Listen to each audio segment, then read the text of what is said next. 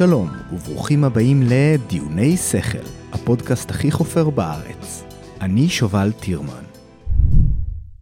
היום אני מארח את דוקטור רועי צזנה. רועי הוא חוקר עתידנות במרכז למחקר סייבר בינתחומי באוניברסיטת תל אביב, וחוקר בכיר בארגון XPRIZE, ששם למטרה לעודד פיתוחים טכנולוגיים בעלי תועלת לאנושות. הוא כתב שני ספרים, המדריך לעתיד, שראה אור ב-2013, והשולטים בעתיד, הון שלטון, טכנולוגיה, תקווה, שראה אור ב-2017. המדריך לעתיד הוא גם שם הבלוג המאוד מוצלח שלו. לצערי הרב, בקושי יצא לנו לדבר על הספרים של רועי בשיחה הזאת, וזה עוול שנצטרך לתקן בעתיד, כי כידוע מותר לדבר רק על וירוס הקורונה בימים אלו. אבל אל תדאגו, בשיחה שלנו רועי מינף את נושא הווירוס להמון כיוונים ממש מרתקים על עתיד האנושות, כפי שהוא ממשיך לעשות בבלוג שלו. אז ברגע שתסיימו לשמוע את הפרק הזה, רוצו ותעקבו אחרי רועי בפייסבוק או בטוויטר, שלא תפספסו את הפוסטים המופלאים שלו. הוא כבר פרסם כמה חדשים מאז שהקלטנו את הפרק, אני אצרף קישורים להכל כמובן.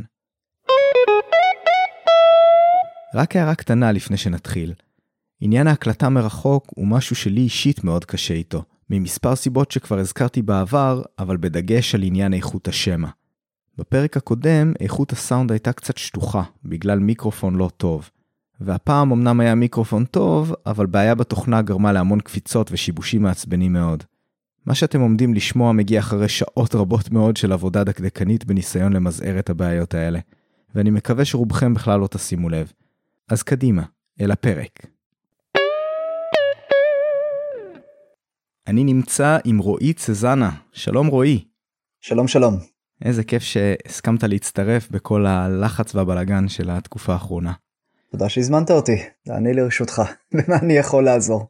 סבבה, כן, אז יש המון שאתה יכול לעזור. אה, אז קודם כל אתה לאחרונה אה, כיאה לאדם טכנולוג, אתה שינית את, ה, את הכיוון של הדברים שאתה כותב אליהם בהתאם לאופנה הנוכחית. אה, ויצא לך לכתוב כמה פוסטים לאחרונה על נגיף הקורונה. ובעצם כן. האמת היא אתה אפילו התחלת התחלת לכתוב על זה קצת uh, before it was cool מה שנקרא. תשמע אני אני אני אני אני נורא גאה בעצמי תרשה לי כי אני כבר בדצמבר אני העברתי את כל ה... אה, ההשקעות שלי במניות לעובר ושב. אה וואו. נכון? כן. עכשיו אם רק הייתה לי את אותה חוכמה עם הביטקוין לפני עשר שנים, אז באמת הייתי יכול להיות uh, גאה בעצמי. כן אבל, אבל זה, ממש, זה כבר משהו. ממש לקחת את ה-put your money where your mouth is למקומות חדשים. זה יפה מאוד. תראה זה, זה, זה, זה העניין כלומר לפני, לפני שלושה חודשים כבר רוקנתי את, ה, אתה יודע, את המניות לפני חודשיים יותר מזה, אה, חודשיים וקצת, אני כבר uh, התחלתי לעשות uh, קניות ככה בסופר לפחיות שימורים. וכולם צחקו עליי ואמרו מה אתה בפאניקה? אבל זה בדיוק העניין כחוקר עתידים. אני לא בפאניקה, אבל אני מנתח את מה שיכול לקרות. ואני מנסה, אם אפשר, גם לתת, אתה יודע, איזה שהם אחוזי הסתברות, מה יכול לקרות במצב הזה, מה יכול לקרות במצב ההוא. ומה שאני אמרתי לכולם היה מאוד מאוד פשוט. אם, אם אני, אני לא מתחייב לזה שהקורונה ויירוס יעזוב את סין ויתפשט בכל העולם ויעשה קטסטרופה וכן הלאה. אבל אם התרחיש הזה, שאם הוא צודק ונראה שיש סבירות מסוימת לכך, אז מה אכפת לי? אני קונה כמה פחיות שימורים ומקסימום אני אשתמש בהם לאורך השנה הקרובה. אני מוציא את הכסף מהמניות לזמ... לחודש, חודשיים, אני אחזיר אותו, מקסימום, יאללה. הפסדתי כמה מאות שקלים, זה בערך הרמה ולעומת זאת, אם אני צודק, אז אני, הדיבידנדים גדולים באמת. Mm. ולצערנו נראה שכן, שהתרחיש הפחות אופטימי הוא זה שבאמת אה, ניצח כאן. אז אה, איזה כיף לי, צדקתי. כן, אתה יודע, אנחנו עוד לא בקטסטרופה, אבל בחלק מהמקומות נראה שכן. לא, כשאני אומר תרחיש הפחות אופטימי, אני מתכוון שתרחיש הפחות אופטימי מלפני שלושה חודשים, שאמר שהווירוס אה, לא, לא, לא רק יעזוב את סין, אלא כבר עזב את סין. והתחיל אה, לטייל בעולם. מהבחינה הזו נראה שהתרחיש הזה אכן אה, הוא הקרוב ביותר לתאר את, ה, את המצב, לצערנו. כן, המצב שאנחנו נמצאים בו הוא כל כך סוריאליסטי שזה באמת בלתי נתפס. כל, כל בוקר אני כזה צריך להזכיר לעצמי מחדש. אה, זה ממש מוזר וזה באמת נראה שאנחנו הולכים לדבר על הדבר הזה עוד שנים רבות, גם אם זה יעזוב אותנו. זו, זו חוויה שתישמר. זה, כן, כן. וזה אגב זה, זה דבר נפלא כלומר אתה יודע זה, זה נורא להגיד את זה כי אנשים ימותו ואנשים מתים אה, וזה באמת נורא כל, כל, אתה יודע, כל בן אדם זה שמת זה דבר נורא וכל בן אדם שנפגע כל אדם שחולה זה נורא. ומצד שני כמי שמסקר אה, את העתיד אני כל הזמן מחפש את נקודות השינוי הגדולות mm-hmm. ונקודות השינוי האלו הן המצב המרתק ביותר. כי פתאום אנשים נאלצים לעבור לאורח חיים אחר, אנשים נאלצים לנסות דברים חדשים, אנשים נאלצים לשקול מחדש את כל מה שהם חשבו כמובן מאליו. ומהבחינה הזו, אה, באיזשהו מקום, יש לכולנו קצת מזל שאנחנו חיים בתקופה הזו, שבה, כמו שהקללה הסינית אומרת, קורים דברים מעניינים. Hmm.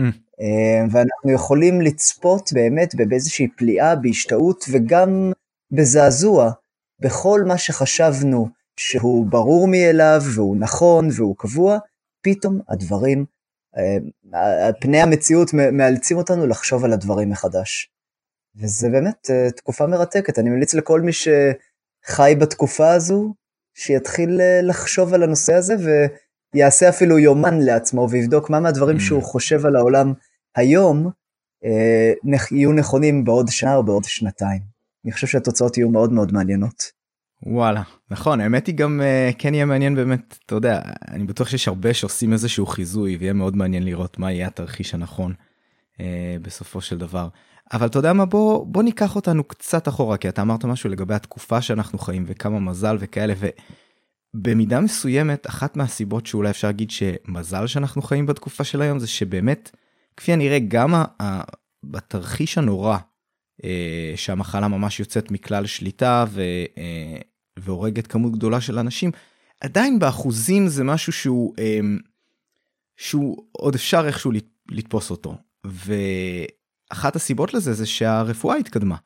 ואחת ההשוואות שאתה עשית בפוסט הראשון מהארבעה האלה הייתה לשפעת הספרדית. שזה האמת היא ממש בול על השעון 100 שנה מאז שזה קרה. 102. 102 כן טוב למה אתה חייב להיות קטוני. אבל מי סופר? כן. כן. סליחה. אז, אז אה, אתה רוצה לספר לנו קצת על מה במה שונה היום מאז כאילו זה, זה די ברור אני מתאר לעצמי אבל אתה מתאר את זה בצורה כל כך יפה. אה, אז קודם כל תודה. תראה אמ, כן זה ככה. תראה, השפעת הספרדית ב-1918, וקודם כל אגב אני חייב לציין, אני לא אפידמיולוג, אני לא וירולוג, ולכן אה, צריך מאוד להיזהר מלהסתמך על הדברים שלי שאני אומר. אני עתידן זה אומר שאני יודע הרבה דברים, אבל אף אני לא, אני לא המאסטר, אני לא הקיפוד באף אחד מהם. אני השועל, זה שיודע דברים רבים, לפי המשל אה, של אה, ישעיהו ברלין, אני חושב. בכל, נו, אתה רואה, שועל. בכל מקרה, כן, בוא, בוא נחזור לרגע ל-1918. תראה, זה היה מצב מדהים, כי בעצם אה, אנשים התחילו למות בין, בין גילאי 20 ל-40 בעיקר, אה, ולא היה ברור לעזאזל למה. כי באותה תקופה כבר ידענו על חיידקים. Hmm. אה, וקוך ופסטר גילו לנו את החיידקים וליסטר הבין איך לעשות סטריליזציה מפני חיידקים ואפשר היה להתחיל לעשות ניתוחים שלא היית מת מהם אה, כמה ימים אחרי כמו שהיה המצב במאה, השמו, במאה ה-19 וה-18 ולאורך כל חיי האנושות בערך. כן. אמ, אבל עדיין לא היינו בדיוק בטוחים מה זה וירוסים, עדיין לא היינו בטוחים שיש בדיוק דבר כזה, היו היפותזות, היו רעיונות, הווירוסים היו כל כך קטנים שהיה קשה מאוד לראות אותם במיקרוסקופ, ולמרות שהיו כאלה שהצליחו לראות כל מיני נקודות, אף אחד לא היה בטוח לגמרי מה, לא השתרשה באופן מוחלט הקביעה המדעית שיש דבר כזה וירוסים ומה בדיוק התפקיד שלהם בחיים. כן. אה, ואז ב-1918 אנשים התחילו למות כאמור, ולא ידעו למה. עשו להם, אה, לקחו מהם דגימות מהריאות, גילו חיידקים מסוימים, חשבו שאולי זו הסיבה. אה, מה שמסתבר זה היה רק, אתה יודע, חיידקים שגורמים לדלקת ריאות, כן, בדיוק. היו כאלו שאמרו בשיא הרצינות, כי עדיין, אתה יודע, לפני מאה שנים, אבל אמרו בשיא הרצינות שזה הסתדרות של הגופים השמימיים, שגורמת להשפעה על כדור הארץ ועל mm. הבריאות, אינפלואנס, ומהמילה אינפלואנס הופיעה המילה אינפלואנזה. כן. ומהמילה השפעה הופיעה הופיע המילה שפעת. אז לא ידעו מה לעשות לגבי זה, לא הבינו מי האויב שלנו, לא הבינו נגד מי אנחנו נלחמים, ובהתאם לזה בלאגן מוחלט. כלומר, פחות או יותר, אנשים הסתגרו בבתים אה, במקומות רבים, במקומות שלא הסתגרו בבתים, או במקומות ששברו את הסגר, שהפרו את הסגר, אה, אז ברגע שהגל הבא והשני והשלישי הגיעו, הם הרגו הרבה יותר אנשים, אה, ולא היה למעשה מה אה, לעשות. אני, אני עכשיו, רוצה רגע להעיר כן? משהו ברשותך, אה, לפני שאנחנו יודעים כן. איך יתמודדו עם זה, פשוט לה, להדיוטות שאולי אה, שומעים את זה ותקן אותי פה אם אני טועה, הנקודה היא שאני באמת, אני לא יודע כמה לאדם הפשוט ברור ההבדל בסדר גודל בין נגיד חיידק, אה, אה, חיידק זיהומי הכוונה, לבין וירוס. מדובר פה בהבדל של אם אני לא טועה משהו כמו שניים שלושה סדרי גודל בגודל הפיזי שלו זה פשוט ממש ממש פיצי לעומת חיידק. חיידק זה תא גדול שלם עם יכולת לייצר אנרגיה, עם, עם יכולת להתרבות, עם דברים משוגעים. וירוס זה כאילו פשוט מעטפת קטנטנה שבתוכה יש איזשהו חומר גנטי ואולי עוד כמה חלבונים וזהו. זה עד כדי כך קטן שבעצם יש סוג מסוים אה, של וירוסים, אני לא יודע אם זה מקוטלג ככה, שנקראים אה, בקטריופאג'ים. שמדביקים חיידקים, כאילו גם חיידקים חולים בווירוסים בעצם, אה, תאים בודדים. אז הנקודה שזה באמת כזה פיצי ולזה לזה פשוט אתה, אתה התכוונת כשאתה אומר שלא ידעו מה זה ולא הצליחו לראות את זה, אז, נכון. אז זה לא סתם ככה, כן, תודה, ממש פיצי. תודה על הסבר, זה באמת אה, טוב שאתה, אה, שאתה מוסיף. אני אגיד שאתה יודע, אם, אם נחשוב על, על השוואה, תחשבו על תא אנושי כעל בן אדם בוגר, אז חיידק הוא בערך בגודל של כף הרגל שלו. אה, אגב זה אלה, אלה, אלה, אלה רק הכללות אבל בסדר. אה, אבל תחשבו זה בערך הסדר גודל ותחשבו על וירוס בערך בגודל של זבוב mm-hmm. אוקיי? זה בערך הסדר גודל. אז אין פלא שגם אם הצלחנו לזהות בעצם את ה...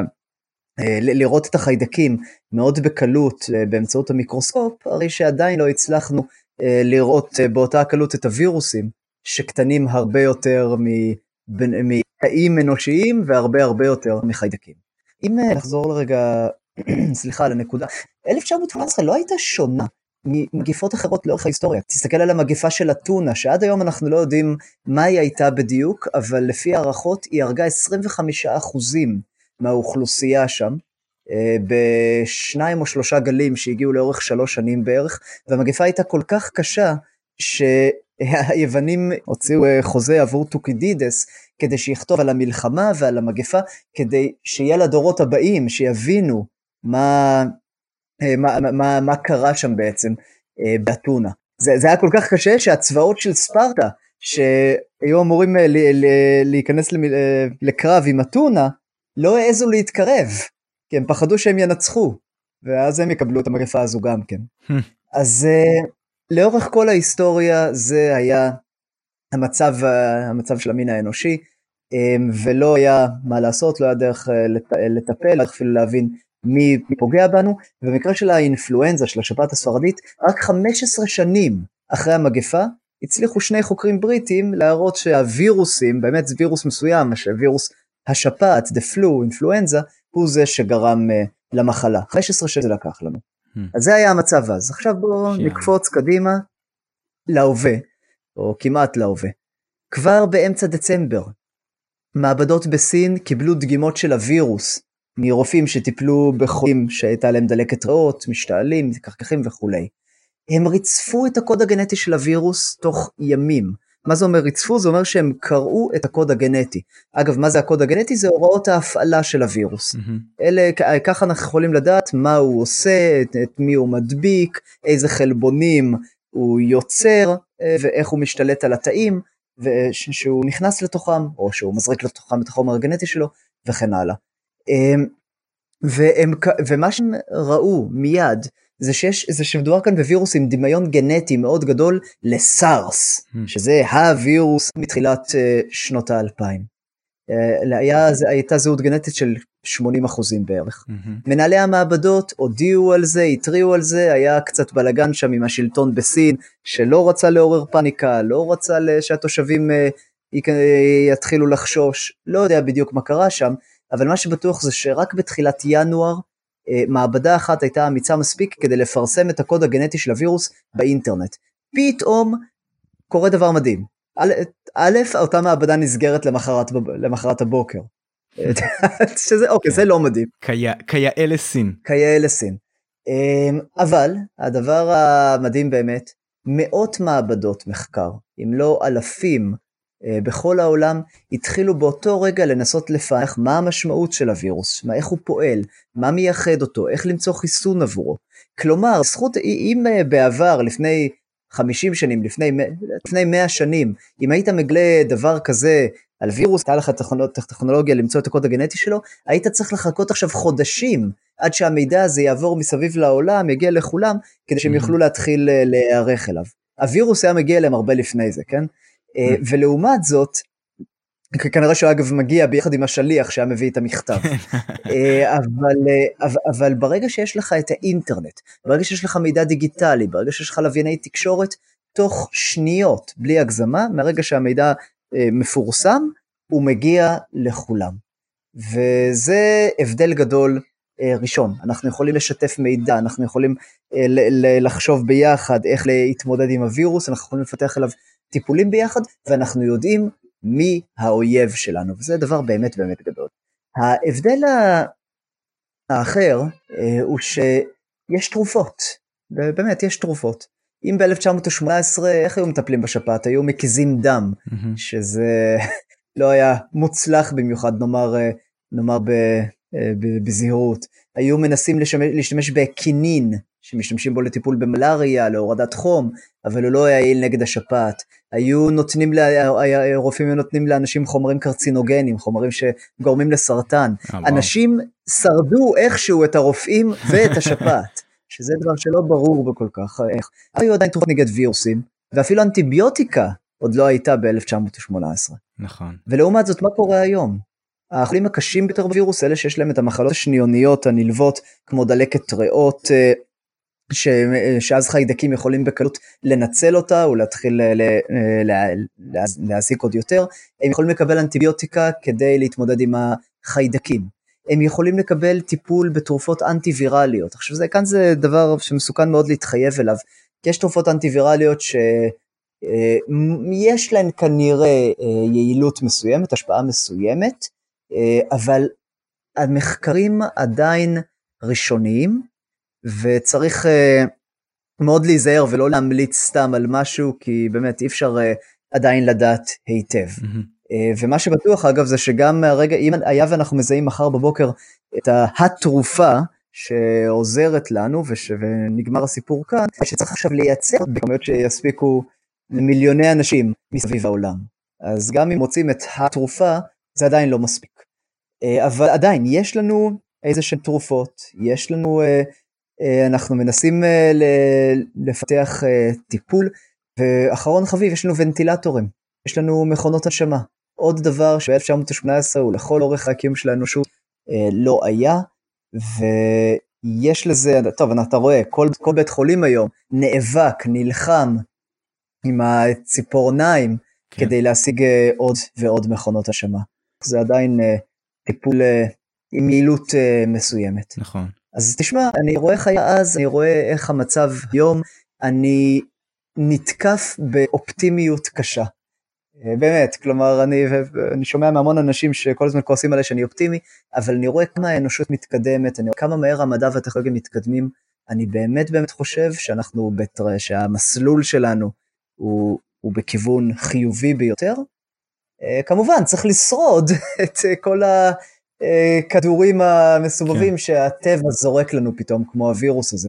זהו, אז, אז עוד מעט אנחנו ניגע באמת ב, בעצם בעוד פוסט שאתה כתבת על התרחישים שצפויים לנו, אבל uh, באמת רגע לפני זה, אני רוצה להגיד בעצם על זה שאתה אה, יודע, אנחנו רגילים כבר כל הזמן לשמוע על פריצות דרך בתחום הרפואה ופוטנציאל לתרופות חדשות ותרופה חדשה לסרטן וכל מיני כאלה דברים והכל אתה יודע אתה נכנס אתה רואה באותיות הקטנות אומרים לך את ה-5 to 10 years הרגיל של מתי זה יגיע לשוק. ואז בדרך כלל אתה לא שומע על הדבר הזה יותר אי פעם.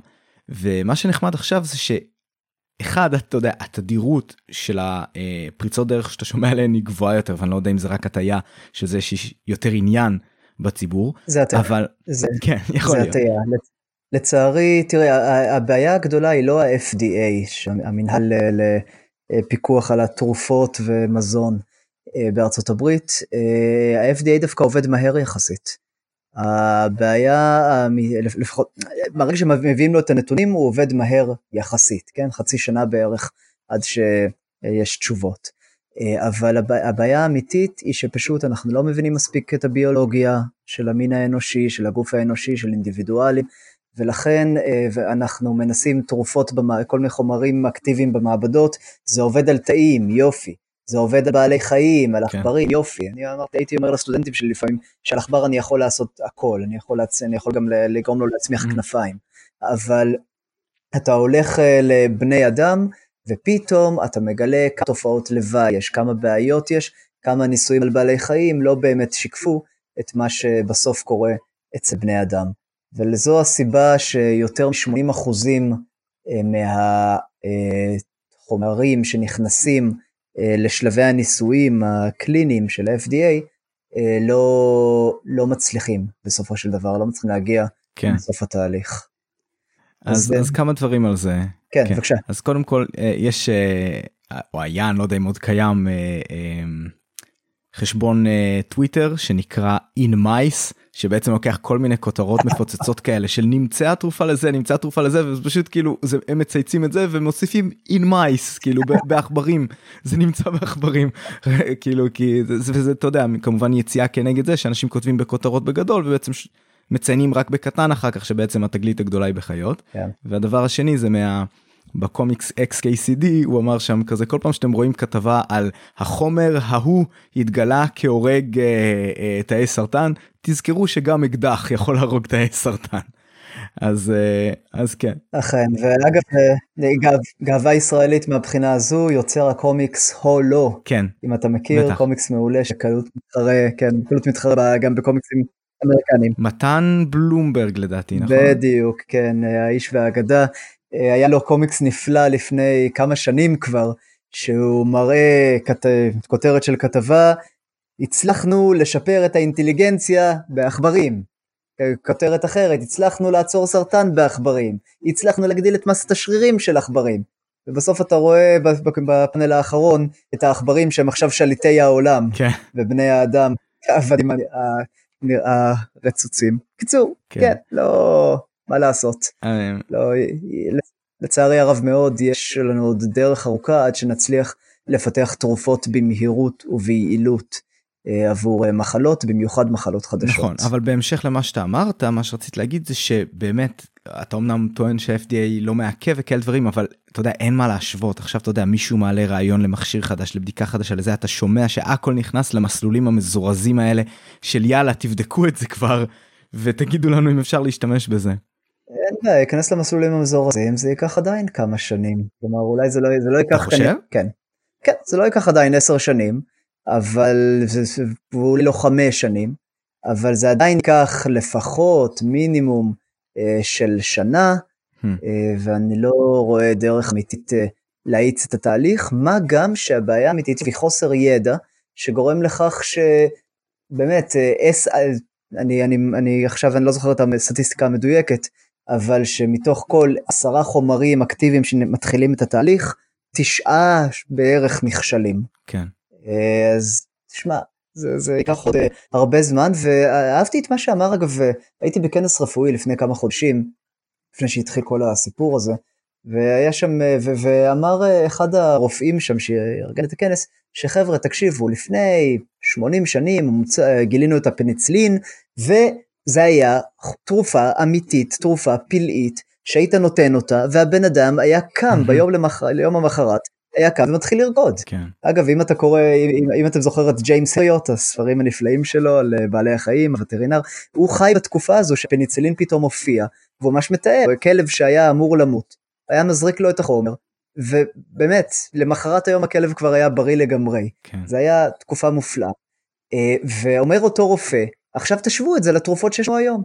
לאיזושהי תרופה שאתה נותן אותה, ומה מבטיחה לך חברת התרופות? שהיא תעשה שיפור של חמישה או עשרה אחוזים מהמם. בהתפתחות המחלה אה, ב- לאורך זמן.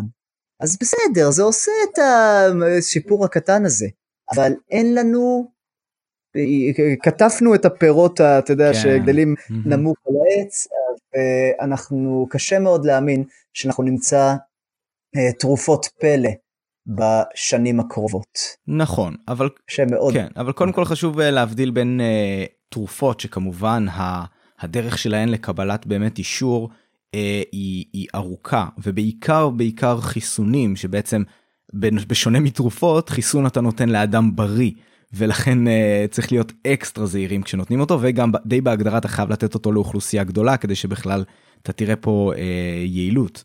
והדבר השני זה אתה יודע מכשור של אמ, של דיאגנוסטיקה שגם שם קצת יותר קל קודם כל קצת יותר קל להוכיח את זה ואין כאן סכנה על פניו כן אין כאן סכנה מיידית לבן אדם שאתה בודק אותו בכזה דבר כן אם אתה לוקח לבן אדם דם או רוק אתה לא סיכנת אותו כמובן שדיאגנוסטיקה שגויה יש לה את המחירים שלה אבל אין מה להשוות לתרופה ש, שיש לה תופעת לוואי ממש אה, קשה. כן. תראה, אני, אני מסכים איתך, דיאגנוסטיקה בוודאי לא כפופה לאותו, לאותו מסלול חתחתים שתרופות אה, כרוכות, אה, שתרופות חייבות לעבור, ועם זאת ה-FDA מפקח מאוד בקפידה ומאוד בביקורתיות אמצעי דיאגנוסטיקה, מכונות אה, שקשורות אה, ברפואה, אה, ואפילו אפליקציות שמספקות לך המלצות בריאות, החל מרמה מסוימת ה-FDA כן חייב, מרגיש מחויב להתערב בהן. יש לזה פלוסים ויש לזה מינוסים, ודאי, אבל אה, זה המצב כיום. עכשיו, אגב, אה, אני הייתי, תראה, בשנה האחרונה, או לפני שנה, ב- אה, כן, לפני, לפני שנה בערך, אנחנו סיימנו מחקר ב-XPRIZE, אה, שאני, שהיה לי את הכבוד להוביל אותו כליד ריסרצ'ר, אה, על עתיד ההזדקנות ועל עצירת ההזדקנות אה, והשבת הנעורים, age reversal. אה, את המחקר אגב עשינו ביחד עם ליסה קובינגטון, סמואל בלק אה, וג'סיקה יון וניק אוטנס. אה, ומה ש... איך- אנחנו הלכנו לכנסים של אנשי הלונג'ביטי, אנשים שחושבים שהם, שאפשר למ- למצוא, לפתח חומרים שיעצרו את ההזדקנות ויאריכו את החיים. ואנחנו קיבלנו שם שתי תשובות מאוד סותרות לגבי ה-FDA. אה, חלק מהאנשים, במיוחד הצעירים והקיצוניים ואלה שרוצים לרוץ קדימה, אמרו לא, ה-FDA זה איום ונורא, הוא עוצר את ההתקדמות, הוא לא מאפשר לנו לנסות דברים וכן הלאה. ואנשים שקצת יותר אה, מבוגרים, וסלח לי, הם מבינים איך העולם עובד וכמה אנחנו לא יודעים, אמרו שכן, ה-FDA מעכב, אבל, אבל בלעדיו היא, זה היה, היה קורה אסון. מהמם. כי אנשים היו מעלים כל מיני רעיונות והיו מיד מנסים אותם ומיד משכנעים אנש, אחרים לנסות אותם ורוב מכריע של הרעיונות האלה היו רעיונות גרועים מהמם. או שהיו לא, לא, לא משנים שום דבר או שהיו מזיקים אה, חד משמעית. ולכן עם כל ה... אתה יודע עם כל הכעס והאכזבה שיש לגבי ה-FDA שאוף איזה מעצבנים הם שעוצרים כל הזמן את ההתקדמות המדעית לא הם אלה שבאמת עוצרים את ההתקדמות המדעית כרגע, אלא להפך, חוסר הידע שלנו, חוסר ההבנה שלנו, אין לנו עדיין מודל טוב של הגוף האנושי, אין לנו סימולציה טובה של הגוף האנושי שאנחנו יכולים להזריק לתוך סימולציה עכשיו איזושהי תרופה ולהבין מה עומד לקרות בה. הדבר שהכי קרוב לזה שיש לנו היום זה בעלי חיים, שזו סימולציה התחלתית אבל היא לא מספיק טובה, אבל כן. זה בכל זאת התחלה. יש לנו לב on a chip שזה מה שצלחת או כמה צלחות פטרי, אני עכשיו, אני עכשיו עושה לזה עוול גדול, כן אבל בסדר, איזשהו ביוריאקטור שאתה מעביר דרכו חומרים והם עוברים לפעמים דרך כמה רקמות או חיקויים לרקמות אה, שונים, וככה מאפשרים לך לקבל הבנה קצת יותר טובה לגבי מה יכול לקרות ואיך התרופה יכולה לעבור מת- אה, שינויים, אה, איך המטאבוליזם, איך היא משפיעה על המטאבוליזם וכן הלאה. כל אלו הם אמצעים מאוד ראשוניים. הצד החיובי הוא שבעוד חמש שנים, או זה היה אמור להיות חמש שנים לפני המשבר הזה, אה, היינו אמורים כבר לקבל מחשב קוונטי עם יכולות שעולות על אלו של מחשבים אה, של, של הסופר קומפיוטרס הרגילים, mm-hmm. מבוססי הסיליקון אה, של, של היום. ומחשב קוונטי כזה, שיש טוענים אגב שכבר התחלנו להגיע אליו, אבל לא בצורה משמעותית, אבל מחשב קוונטי כזה, אחד השימושים הגדולים ש... שהיו מיועדים עבורו, הוא לעשות סימולציה של תרופות, של חלבונים, של הגוף האנושי. Mm. ובאיזשהו מקום אי אפשר כל כך להגיד אפילו מה אנו יכולים לעשות איתו, מכיוון שטרם אין לנו, לא היה לנו אפילו מודל, את המודל החישובי הזה עד, אה, שאפשר באמת להתנסות איתו עד היום. יש כל מיני רעיונות, אלגוריתם שור אם אני לא טועה, שמדבר על האפשרויות שאפשר לעשות עם המחשב הזה, אבל אתה יודע, זה כמו לדבר על מחשב מבוסס אה, שבבי סיליקון לפני 80 שנים. כן. אנחנו לא, לא היינו יכולים אפילו לחשוב מה הוא יכול לעשות. כן. אה, אז אה, התקווה, התקווה שלי, ואני עדיין חושב שזה יקרה, תוך חמש שנים אנחנו נתחיל לראות מחשבים קוונטיים, ואנחנו נתחיל לראות את אחד השימושים המרכזיים שלהם, וזה בסימולציה של הגוף האנושי, מה שיוביל להאצה עצומה בקצב הפיתוח uh, של uh, תרופות mm-hmm. ותכשירים וכל כל מה שקשור בכימיה ובביולוגיה. אנחנו רק צריכים לחכות כדי שזה יקרה. כן. אז כן, וגם מהרגע שהעכשיו הזה, הקוונטי הזה מפותח, עוד חמש שנים נניח, אל תבין אותי לא נכון, זה ייקח עוד חמש, עשר, עשרים שנים עד שבאמת נמצא איך להפיק ממנו את, ה, את המירב. אמ, אבל אתה יודע, מה זה בעוד, בעוד 20, 25 שנים, אנחנו עדיין נהיה צעירים ויפים. כן. אז אה, כן אז כמה דברים קודם כל בקשר למחשב הקוונטי אתה יודע פעם אחרונה שאני בדקתי אני חושב שגוגל טענו ש, שיש להם איזה משהו כזה ואפילו הצליחו לפתור אה, נכון בעיה כן. לדוגמה כדי כדי להוכיח בעצם כן המחקר הזה, המחקר הזה נמשך מהאתר, אה, אני חושב כמה ימים אחרי שהוא פורסם, אחרי שהוא משך המון המון 아, אה, המון נמשך, אז, כאילו התחרטו עליו בעצם, אתה אומר, כאילו לא נמשך לא הכוונה היא לא, שמחקו.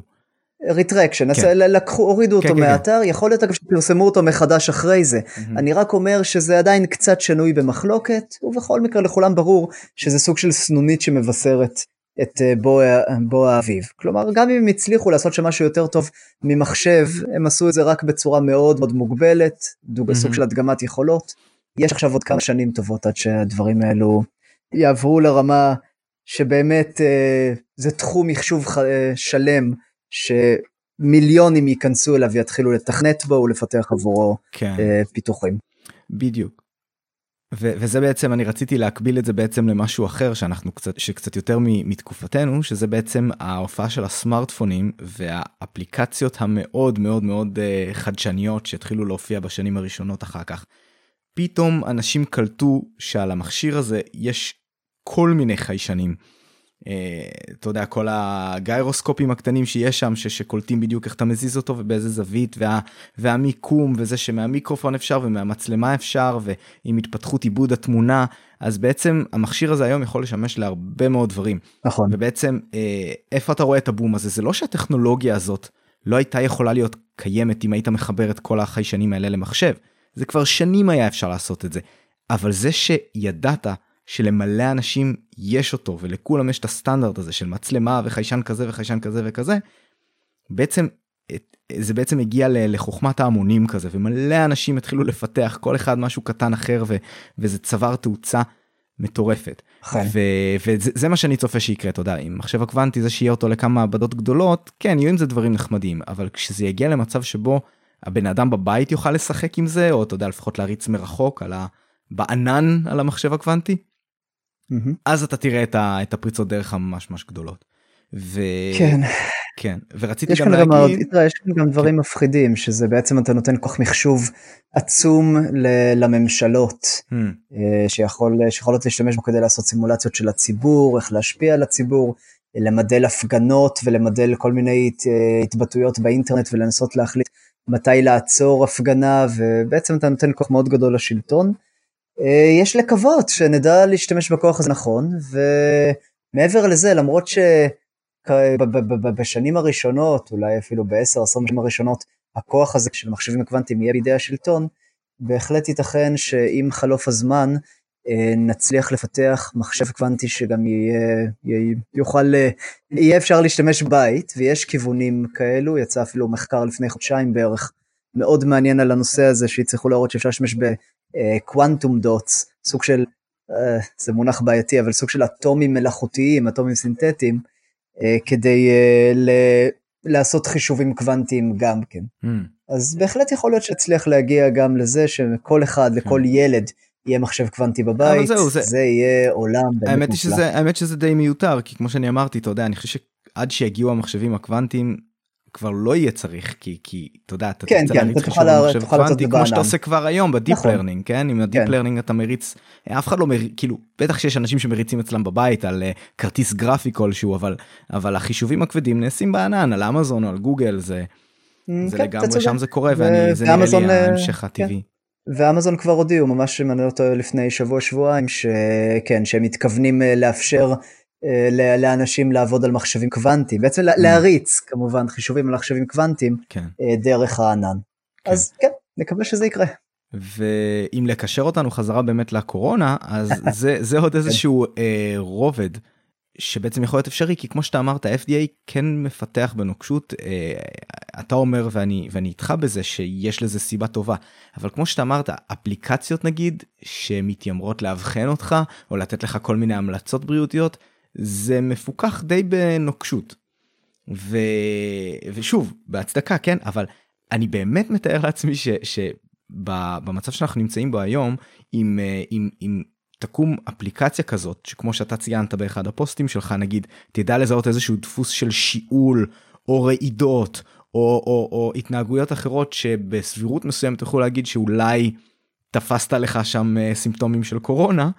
Uh, אני לא אתפלא אם, אם אתה יודע יריצו את זה קדימה והרי אף אחד לא יבנה על זה ב-100% ככלי דיאגנוסטי אבל כמשהו שנותן איזשהו סימן מוקדם או שזה הזמן להרים טלפון לבן אדם הזה ולשאול אותו היי איך אתה מרגיש היום. כן. אמ, זה, את זה אני אני יכול לראות אם מישהו יפתח כזה דבר שבזמן כזה יסכימו לעשות אותו ואתה יודע אני לא מדבר על משהו שבו מאלצים אנשים להשתמש בזה אבל שמבחירה כלשהי. כן. אז, אה, אז כן אני רואה מקום שבו ההתקדמות יכולה להיות מהירה בתקופה הקרובה. בהחלט אבל אני חושב שבאיזשהו מקום ההתקדמות תהיה מהירה. לא מכיוון שיש לנו לראשונה את הטכנולוגיה, הטכנולוגיה הייתה קיימת אצלנו כבר באיזשהו מקום כבר 20 שנים. אמ, אפילו אולי לא דרך הסמארטפונים, אבל כל פעם שחיפשת בגוגל, מיד ידעו עליך דברים. כל פעם שנכנסת mm-hmm. לפייסבוק זה אומר משהו. בקיצור, כל, היו יכולים כבר לאסוף את כל המידע הזה עלינו, ואגב ממשלות מסוימות באמת אה, אספו, כמו ממשלת ארה"ב, כמו ממשלת סין, כמו ממשלות אחרות שלא ננקוב בשמותיהן. אמ, אבל עד היום היה, היה סוג של אה, מניעה חוקתית, אה, חוקית, אתית, שלא לעשות את המעקבים האלה עליך, לא לאחד ולהצליב את המידע. והיום באיזשהו מקום הסכר נפרץ. ו... כי, כי אנחנו במשבר. ואתה יודע, המשבר יש לו שתי משמעויות, יש, כן. יש אומרים שבסין שבסינית המילה משבר מורכבת משני תווים של הזדמנות ושל אסון. Hmm. אמ, וזה לא נכון אגב אבל זאת אמרה יפה אז אה, תרשה לי. אוקיי. ש... ותשמע ההזדמנות כאן היא שבאמת א' המון אנשים מתחילים היום לעשות דברים שהם לא חלמו שהם יעשו למשל להשתמש בזום, אתה יודע, כל סבתא פתאום מתחילה להשתמש בזום כדי לדבר עם הנכדים שלה, כל מורה מתחיל להשתמש בזום או באמצעים וירטואליים אחרים כדי לנהל כיתות לפעמים שלמות. אמ, וממשלות משתמשות בין ש... מכיוון שהן נאלצות, בין שהן שמחות לעשות את זה, הן משתמשות באמצעי מעקב אחרי האזרחים כדי uh, לזהות סימנים אה, של, ה... של התפשטות הנגיף. עכשיו לא, לא עושות את זה רק מדינות כמו סין או סינגפור, אה, שהן, אה, איך נאמר בעדינות, לא, לא מתחשבות בפרטיות האזרח יותר מדי, לא עושות את זה אפילו מדינות כמו ישראל, שאנחנו מרגלים אחרי חלק מהאזרחים שלנו לפי מקורות זרים כמובן, כבר הרבה מאוד זמן, כדי למנוע פיגועי טרור, אה, או ארצות הברית שעושה את אותו הדבר, אלא עכשיו גם הפנאטים הקיצ... הקיצוניים ביותר שבתחום הפרטיות מתחילים לעשות את אותו סוג של ניטור. ואתה רואה את בלגיה, את גרמניה, את אוסטריה, את איטליה, את, את בריטניה, שפתאום מתחילות להפעיל אה, אמצעי ניטור אחר האזרחים, ואני חושב שמסיבה טובה. כלומר כן, זה פוגע להם בפרטיות במידה מסוימת, אבל בעת משבר אתה משתמש במה שאתה צריך כדי, אה. כדי להתמודד עם המשבר. השאלה היא מה יקרה אחרי המשבר, והאם אנחנו נשכיל אה, להשתמש בכוח הזה אה, בצורה חכמה, והאם אנחנו נשכיל גם אה, להטיל על הממשלות מספיק אה, סייגים לשימוש בכוח, כדי למנוע מהן לצאת מידי שליטה, משליטת הציבור. כן. כן, אז אני אתן פה רק דוגמה שבאמת אה, מה שלי זכור כדוגמה לכזה דבר בפעם האחרונה, זה מה שקרה בארצות הברית אחרי אה, בעצם אסון התאומים אחרי 9-11 נכון. שבעצם הממשל לקח לעצמו מאוד מהר אה, את הזכות לבצע מעקב אחרי כל מיני אנשים משהו שלא לא היה כמותו בארצות הברית שזה מדינה שבאופן כללי שמה דגש מאוד מאוד מאוד גדול על, אה, על חופש הפרט ופרטיות ודברים כאלה. ואז פשוט אתה יודע המשיכו והמשיכו והמשיכו ולא עיגנו את זה כמו שצריך בחוק ויש שם כל מיני קאצ'ים כאלה שבגלל שזה סודי אז אפילו אי אפשר לדבר על זה בתצורה שיהיה אפשר להכניס את זה לחוק ומי שרוצה באמת מוזמן אה, לשמוע קצת אה, דברים ש, שאדוארד סנודן אומר אה, אני, אה, ואני אני, אני אפילו אשים אה... קישור ל, לראיון שלו. כן. אז אני אוסיף שאפשר לקרוא על הדברים האלה בדיוק יש פרק שלם שעוסק בזה בספרי האחרון השולטים בעתיד ששם אני בדיוק על הדברים האלו וזה פשוט מדהים לגלות. שהממשל האמריקני דרש מחברות כמו מייקרוסופט, פייסבוק, גוגל ויהו ודומותיהן להסגיר אליו מידע אה, ואפילו לפתוח backdoors שדרכם יהיה אפשר אה, בעצם לרגל אחר האזרחים במידת הצורך. החברות, אם הן רצ... אה, אסור היה להן לגלות את זה לציבור. כלומר, דובר גוגל למשל היה צריך לעמוד מולך, מול, העיתו... מול הכתבים ולהגיד להם, בשום פנים ואופן לא, לא מספקת מידע לש, לשלטון, mm. כאשר מאחורי הקלעים זה בדיוק מה שקרה, וכאשר יהו ניסתה לערער כנגד זה, ולא, ולא הסכימה ל, לשתף מידע, הרי שבית המשפט האמריקני בשקט בשקט בשקט, כי אסור לספר על זה, אה, הטיל עליה קנסות מזעזעים מדי יום, עד שהיא תהיה מוכנה לספק את המידע. ואנחנו לא היינו יודעים את הדברים האלה בכלל עד היום. וואו. אילולא סנודן ודליפ, ודליפות אה, דומות. אז הדברים האלה בהחלט קרו מתחת לפני השטח. גם כן. קודם זאת הנקודה, מתחת לפני השטח. עכשיו הם מתחילים כן. מעליו.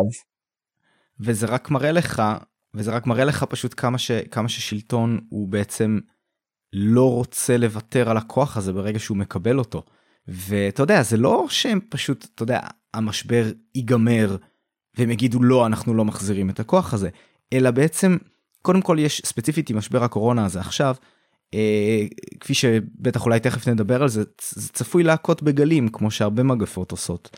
ובעצם, אתה יודע, ישר יהיה לך את התירוץ של רגע, רגע, אנחנו צריכים להשאיר את זה לפחות לעוד כמה חודשים, כדי שכשיגיע הגל הבא אז בעצם אנחנו כבר... אה, כבר נוכל אה, להקדים ו- ו- ולפעול בצורה נכונה יותר ומהירה יותר. Mm-hmm. אז, אה, אז אין כאן ספק, כבר לגמרי ברור לאיפה הדבר הזה הולך מהבחינה הזאת, ו- וכמו שאתה אמרת וכתבת עליו, חשוב במינימום נגיד להסדיר את זה בחוק. כן. אה, כל שיהיה... עוד אפשר ושלא מאוחר מדי. תראה, שקיפות מלאה זה הדבר החשוב ביותר כאן, אנשים צריכים לדעת איזה מידע אוספים עליהם, אנשים צריכים להיות מודעים לכך שאוספים עליהם מידע, אנשים צריכים שיהיה להם את הכוח, וגם uh, בעצם להגיד שעל המידע הזה אני לא מוכן שתאספו אותו ממני כי הוא לא רלוונטי.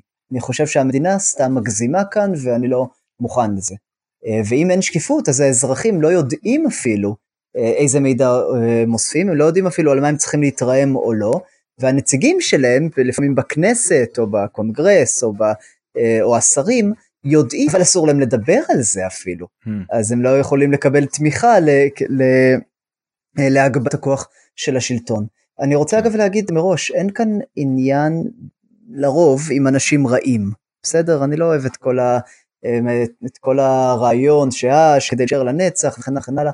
בהרבה מאוד מקרים אני באמת מאמין שמדובר באנשים טובים שם למעלה, אנשים פטריוטים, אנשים שרוצים להגן על כולנו ועל, ועל המדינה, רוצים להגן עלינו מטרוריסטים, הם רוצים להגן עלינו ממגפות, הם רוצים להגן עלינו מאלף ואחד דברים, אבל כוונות טובות זה דבר אחד, אמ, ועם הזמן, א', גם האנשים הכוונות הטובות ביותר אה, הופכים להיות מושחתים במידה מסוימת ברגע שהם נהנים מהכוח יותר מדי.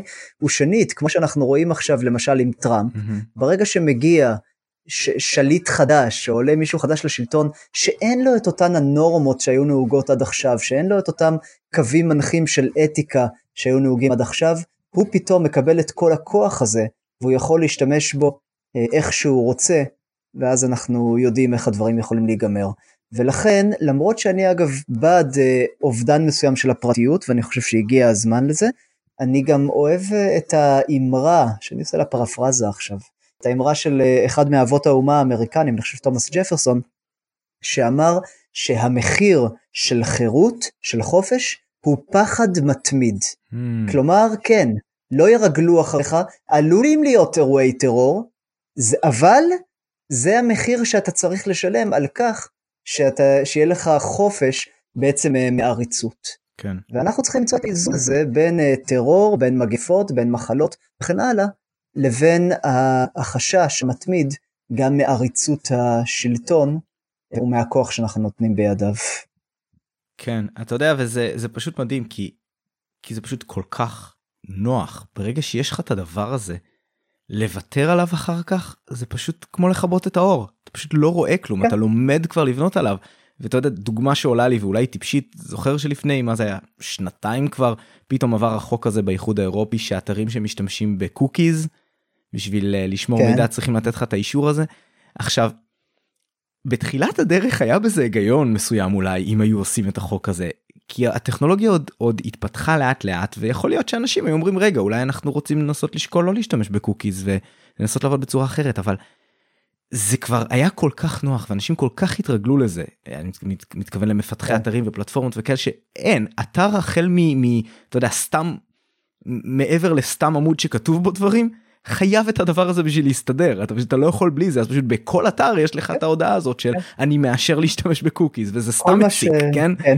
אז תאר לך שכאילו כן. כל מה שהחוק הזה עשה מהבחינה הזו של קוקיז זה להוסיף כמה שעות בשנה לאנשים שעל על, על עוד 10 שניות בכל אתר שאתה צריך לעשות accept accept accept. בדיוק. אני, אני, אני חושב שמתוך מאות אתרים שנתקלתי בהם רק אחד או שניים אני עשיתי decline. כן. אה, שאני לא מוכן שהם ישמרו עליי קוקיז. כן. זה, זה מגוחך אבל בסדר זה אגב היו דברים גם טובים בחוק הזה כן אבל לא לא אני אני. בטוח אני אומר רעיונית זה נכון אבל הנקודה שזה כאילו זה כבר מאוחר מדי זה, זה לא כאילו שיושב מישהו היום ומתלבט אם האתר שלו יהיה בו קוקיז או לא יהיה, או לא יהיה בו קוקיז זה פשוט זהו עברנו את הגבול הזה. זה, זה אתה יודע אז אני אני אז מצחיק אותי אתה יודע זה כמו שיקחו עכשיו את החוקים האלה של המעקב וכל פעולה שאתה תרצה לעשות ב, ב, ב, באתר אה, אינטרנט של הממשל כאילו של נקודה גוב כזה. כן. אה, זה יתנה את זה בזה שאתה מאפשר שיעקבו אחריך עכשיו כמה חודשים סתם אני אומר כן אז כאילו אתה יודע מי כבר אה, מי כבר התחיל אה, להתנגד לדבר הזה כן כאילו אתה, אתה מהר מאוד תמצא את עצמך לא לא מסוגל לעשות כלום במדינה הזאת גם אם אתה יודע אם רשמית אתה אישרת שיעקבו אחריך זה לא זה לא באמת בחירה. מוסכם. אז, אז זהו כאילו כן. כן. יצא איך זה נקרא יצא מרצע מן השק או שממש כן. כן אוקיי סבבה אוקיי בוא נדבר על תרחישים של קורונה מה מה צפוי לנו בוא תגיד לנו אתה יודע את העתיד אתה אתה חוזה את העתיד זה המקצוע שלך מה מה צפוי לנו. בטח מה זאת אומרת. אם הייתי אם הייתי יודע את העתיד הייתי מהמר על הבחירות האחרונות. אמ, טוב לא משנה לא ניכנס אפילו למה שיש לי להגיד על זה. כן, בפעם אמ, אחרת. תראה אה, זאת פעם מאוד ארוכה יש לי הרבה מאוד קללות שאני יכול אה, להטיח כאן אבל בסדר לא משנה. תראה, אמ, אני לא יודע מה עומד לקרות, אני מקווה, אני, אני מניח שזה ברור כמובן. מה שאני עושה בתפקיד שלי כחוקר עתידים, אני מפתח תרחישים. זו שיטה שהיא מוצלחת במיוחד במצבים של חוסר ודאות מאוד גדול, אה, שזה המצב הנוכחי, כי אנחנו לא יודעים מה קורה עם הווירוס, אנחנו לא מבינים איך מגיבות אליו מדינות, אנחנו לא יודעים איך הן עומדות לגביו. עכשיו אף אחד מהתרחישים האלה לא עומד להתממש בדיוק כמו שאני מתאר אותו, אבל מתוך זה שאנחנו מסתכלים על תרחישים אנחנו יכולים לנסות להבין לאן הם מובילים אותנו, לזהות הזדמנויות וסיכונים, וגם לנסות לכוון את המציאות יותר אה, לתרחיש שאנחנו חושבים שעדיף שיתממש. אז בוא נשאל אותך את זה ככה, מה אתה מעדיף? אתה רוצה שאני אתחיל באופטימי או בפסימי? אני חושב שהסדר שאתה עשית של אה, אופטימי, פסימי, ריאליסטי היה, היה טוב מאוד. בסדר, אז בואו נדבר על התרחיש האופטימי. יש, אני מעריך, שתי, שתי אפשרויות. אחת מהן היא שמזוהה תרופה אנטי-ויראלית, כזו שכבר היום קיימת בשוק, כלומר לא צריך להתחיל עכשיו לפתח ולעבור כמה שנים של אה, אישורים של ה-FDA, היא כבר קיימת, אנחנו יודעים שהיא לא מזיקה, אה, והיא גם קוטלת את הנגיף בעצם באנשים חולים, או לא קוטלת אלא מונעת התפשטות שלו, אבל בסדר, מספיק, התפשטות שלו בתוך הגוף, אה, וגם היא פרופילקטית, מה שאומר שאם אתה נותן אותה, אם אתה מזהה נשא של הווירוס, ואתה מזהה את המעגל של האנשים שהיו מסביבו, אתה יכול מיד לתת אותה לאותם אנשים, כדי שהיא תעצור את ההידבקות שלהם בווירוס, גם אם עברו כמה שעות מאז שהם נתקלו באותו אדם. Mm. זה אגב קורה גם עם HIV, יש לנו כבר היום תרופות של היום שאחרי, שאם אתה לוקח אותן כמה שעות, לפעמים אפילו יום שלם אחרי שגילית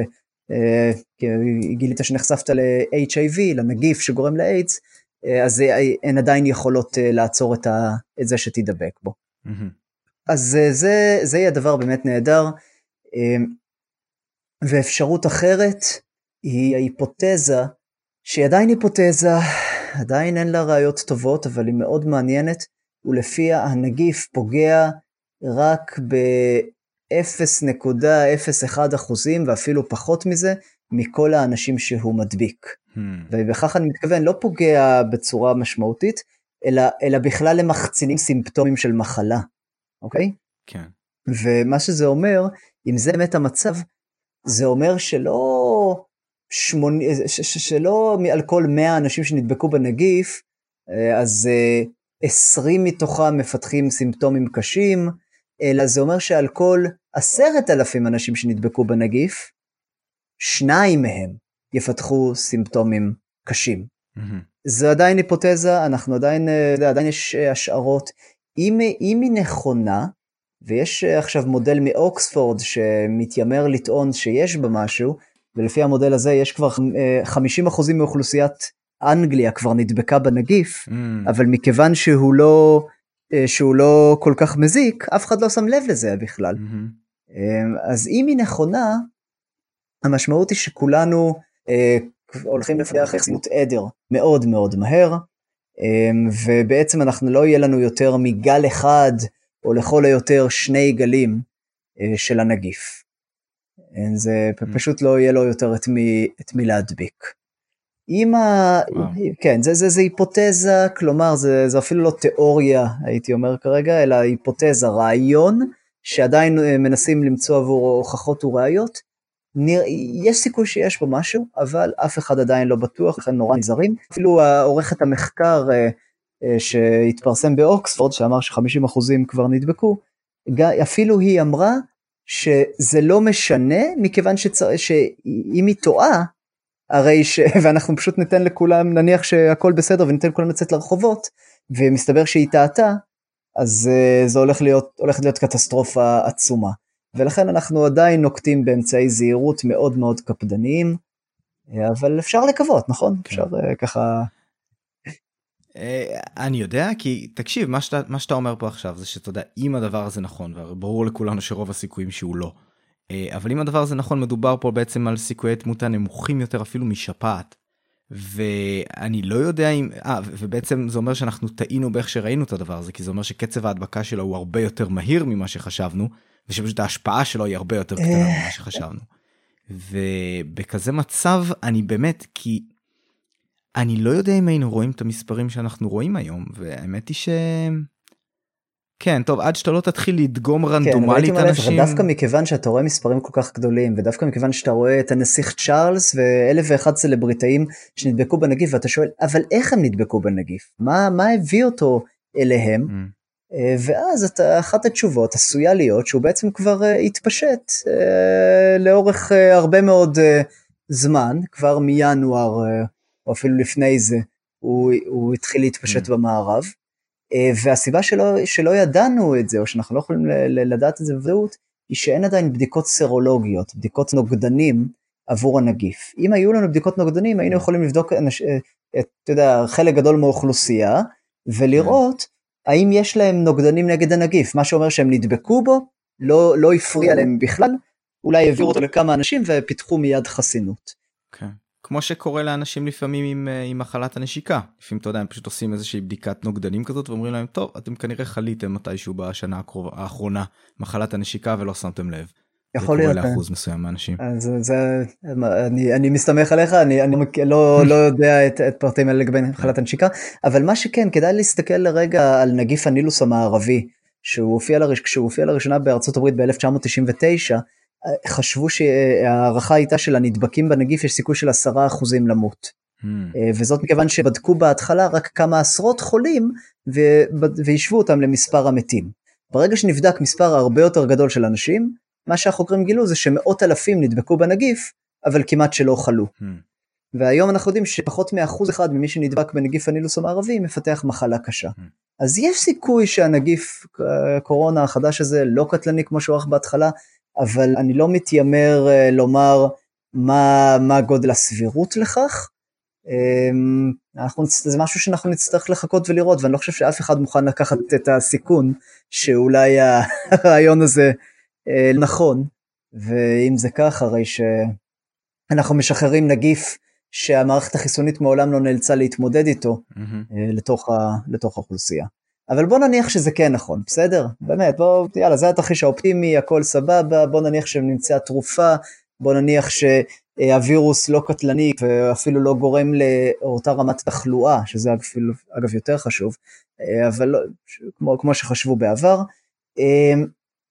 ומה קורה אז? בעצם הכל סבבה באמת, אם תרשה לי.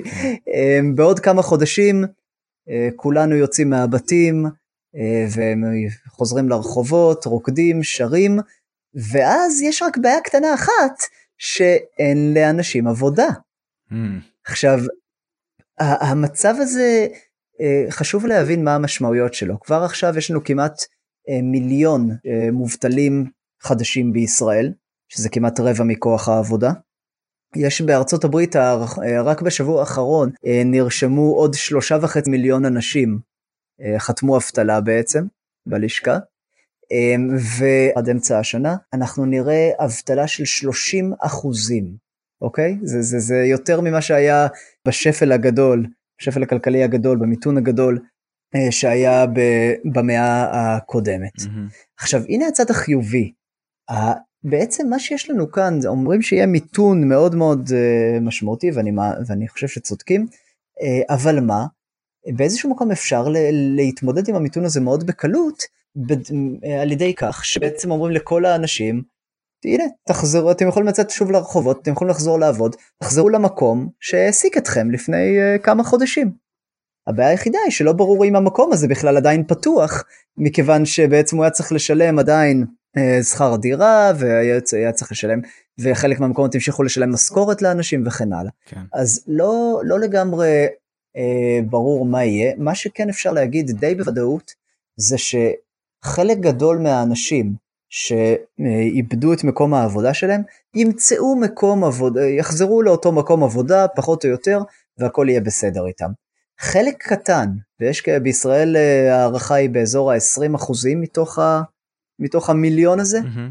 חלק קטן לא ימצאו מקום עבודה אה, בתחום שלהם, כן. אה, ויצטרכו לחשוב מה הם עושים עם עצמם. עכשיו זה עומד... זה ייקח זמן. זה ייקח זמן, כן. אה, זה ייקח, זה, זה יהיה קשה זה להמון משפחות, זה יהיה קשה לכלכלה, ויכול להיות שאותם אנשים לא ימצאו עבודה, כי כבר לא תהיה בכלל עבודה מהסוג שהם התאמנו אליו והיו מוכשרים והיה להם את הכישורים עבורו, בעצם לפני, לפני שנה, שכל העולם מתקדם קדימה וישאיר אותם מאחורה. ואז אנחנו צריכים להתחיל לחשוב מה בעצם לעשות עם האנשים האלה. עכשיו, מה, ש... במה שעשה ממשל טראמפ, שזה לא פחות ממדהים, באמת, זה, זה... אם היית שואל לפני שלושה חודשים יש סיכוי שדבר כזה יקרה, זה היו, היו צוחקים עליך. אבל ממשל טראמפ הסופר קפיטליסטי, כן. בעצם אה, מחליט, אה, החליט לאחרונה לתת לכל אזרח אמריקני 1,200 דולרים צ'ק הביתה. ובעצם יש, למה, למה זה כל כך מדהים? כי זה מציית לעקרונות של מה שנקרא הכנסה בסיסית כללית, Universal Basic Income, שלפיהם אה, אתה פשוט נותן כסף לאנשים. כן. הממשלה נותנת כסף לאנשים כדי שיסתמו את הפה, יחיו, את, יחיו כמו שצריך, אה, לא, לא יציקו לה יותר מדי ושהכלכלה לא תתמוטט. אה, האם זה ימשיך ככה? האם ימשיכו לתת צ'קים לאזרחים? יכול להיות. כמו שאמרת עבור, אה, כמו שאמרת על הניטור הבלתי פוסק, אה, מהרגע שנפרץ סכר מסוים, יש סיכוי שהמים ימשיכו לזלוג שם, וג... ואנשים יתחילו לקבל איזשהו, איזושהי תמיכה מהממשל, בין שבצורה מאוד ברורה צ'ק לבית, או בין שבצורה הרבה פחות ברורה, כמו הנחות משמעותיות במיסים וכולי, שיאפשרו להם אה, לשרוד גם עם אפס הכנסה אה, של עצמם, או לחילופין, עם הכנסה מאוד נמוכה שתגיע מדברים כמו gig work, mm-hmm. כמו, אתה יודע, עבודות uh, מזדמנות קטנות, Uber, Airbnb, Fiverr, Upwork, Mechanical Turk וכל יתר פלטפורמות הגיגים, ובאמת אחת מההמלצות שלי כשבאו אליי אנשים ושאלו אותי למה להכשיר אנשים שמפוטרים עכשיו, uh, אני אמרתי להם שבתרחיש הפסימי יותר ש- שאני חושב עליו, אה, אין טעם להכשיר אותם לעבודות ש... אה, לעבוד... לעבודות אחרות, נאמר ככה, אלא תכשירו אותם בעבודה דרך האינטרנט, בעבודה על גיגים, בזה שיוכלו להרוויח אה, ככה כמה מאות דולרים בשבוע, ועל ידי זה בעצם להגיע להכנסה מינימלית שתשמר את המשפחות שלהם ואותם בחיים, לפחות בחודשים הקרובים ובשנה הקרובה. Hmm. ואולי אחרי זה כשהשוק יתאושש אז הם יוכלו לפתוח עסק משלהם, אולי הם יוכלו לחזור לעבוד במשהו אחר, ואולי הם יבחרו להמשיך לעבוד בגיגים אמ, ולהפיק מזה יותר ויותר כסף ככל שהשוק אה, יתאושש ויהיו יותר אנשים שזקוקים לשירותים שלהם ביצירת מצגות, בפיתוח אתרים, בתמיכה חברתית, בייעוץ פסיכולוגי וכן הלאה וכן הלאה וכן הלאה. כן. אתה, אתה יודע מה, מה, מה עצוב פה? מה? שזה התרחיש האופטימי. ש, ש... כן, שהגענו לזה מתוך התרחיש האופטימי. אז אתה אומר שכאילו בעצם במידה מסוימת גם בתרחיש האופטימי הנזק שנעשה לכלכלה יהיה כבר אה, באמת ארוך טווח. אה, כי גם בתרחיש האופטימי לא מדובר על זה שכולנו חוזרים לשגרה מחר אלא רק לא. עוד כמה זמן שיבינו שהתרחיש האופטימי הוא הנכון. אה. ויכול להיות שאז כבר יהיה קצת מאוחר מדי. כן, תראה, אני... אי אפשר שוב לדעת בדיוק מה יקרה, אה, והממשל האמריקני למשל אה, מוציא את הסטימולוס ביל, את הצו, את, את החוק שאמור לתמוך עכשיו בשני טריליון דולרים בכל הכלכלה, ויכול להיות שהוא באמת יעזור מאוד לעסקים להתאושש ולאנשים לעמוד על הרגליים, אפילו אז זה ייקח זמן, וזה הרגע על השני טריליון דולרים בעצם, שאף אחד עוד לא בטוח לגמרי איך אה, משלמים עליהם. קרוב לוודאי אגב שכשגנץ יצטרף uh, לביבי, יש לי הרבה מה להגיד על זה, אבל בסדר, mm-hmm. אבל uh, שהוא יצטרף לביבי כדי uh, בעצם לאפשר סוג של ניו דיל כזה, mm-hmm. שיעבור uh, ויציל את הכלכלה uh, בישראל מכניסה למיתון של שנים. ואתה יודע באמת uh, יש כאן שאלה מאוד מאוד גדולה על עניינים של עלות תועלת. הרי על דרך קבע אנחנו אנחנו אני מתכוון בעצם השלטון שלנו ואנשי המקצוע שאחראים על זה עושים החלטות של עלות תועלת בכל מה שנוגע לתרופות אה, אתה יודע תמיד מדברים על מה בסל מה לא בסל דברים בסגנון הזה ותמיד כשמישהו יבוא עם איזשהו סיפור פרטי של התרופה שלי לא בסל ואיך אני אשלם על זה וכל מיני כאלה צריך להבין שתרופה שלא נכנסת לסל בדרך כלל זו תרופה ש... מבחינת עלות תועלת היא לא יעילה כל כך אתה צריך לשלם הרבה מאוד כסף בשביל מעט מאוד אה, נגיד הצלת חיים או שיפור איכות חיים. אז בסופו של דבר הסיבה שכולנו אה, אתה יודע בדרך זו אחרת הסכמנו להקריס את הכלכלה שלנו היא כי אנחנו מצפים שהתועלת של זה תהיה מאוד מאוד גבוהה. אמ, כן. ואיפשהו שם יכול להיות שזה יחצה את הגבול איפשהו שם אתה יודע אתה תגיד וואו זה לא שווה את זה אנשים מתחילים להיזרק פה לרחוב אנשים רעבים זה לא שווה את הסיכון מה, מה אתה חושב על זה. אני חושב שברור שיש כאן uh, אה, את השאלה של תועלת לעומת סיכון. אמ, והייתי מאוד שמח אם היה דיון הרבה יותר רציני בנושא. אני חושב שבאיזשהו מקום קצת כולנו נסחפנו אחרי סין כשראינו את הצעדים הקיצוניים שהיא נקטה, ואני חושב שאילולא סין, הרי שבמערב היה לוקח הרבה יותר זמן להגיע לצעדים דומים. באיזשהו מקום סין ככה הראתה לנו שזה אפשרי. Hmm. אמ, כל זה לא אומר שזה לא הבחירה הנכונה.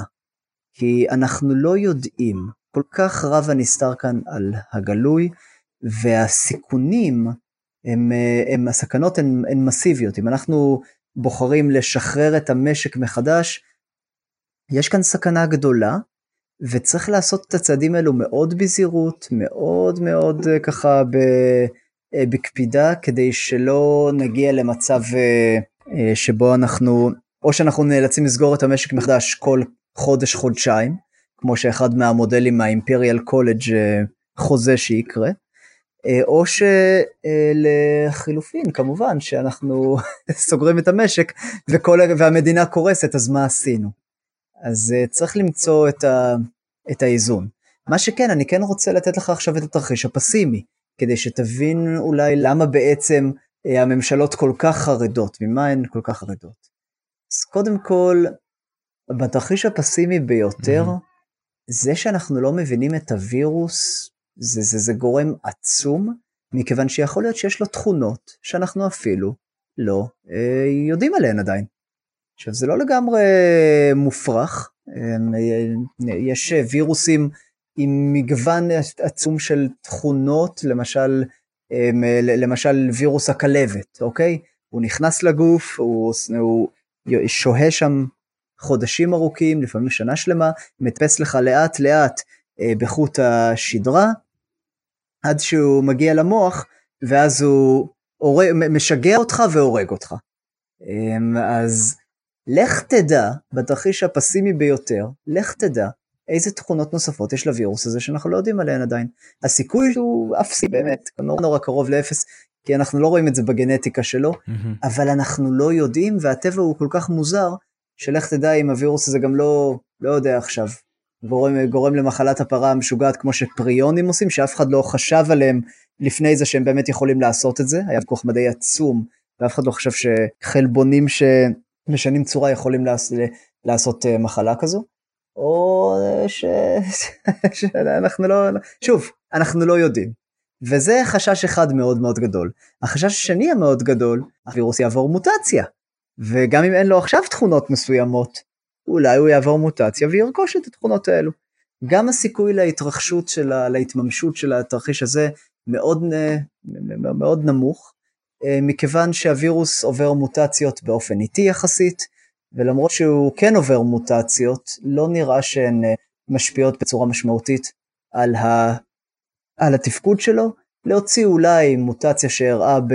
בסין, בווהאן, וכנראה יצרה שני זנים של הווירוס, שאחד מהם טיפה יותר אגרסיבי, mm. וגם זה עדיין, כמו, כמו כל דבר לגבי הווירוס הזה, שנוי במחלוקת.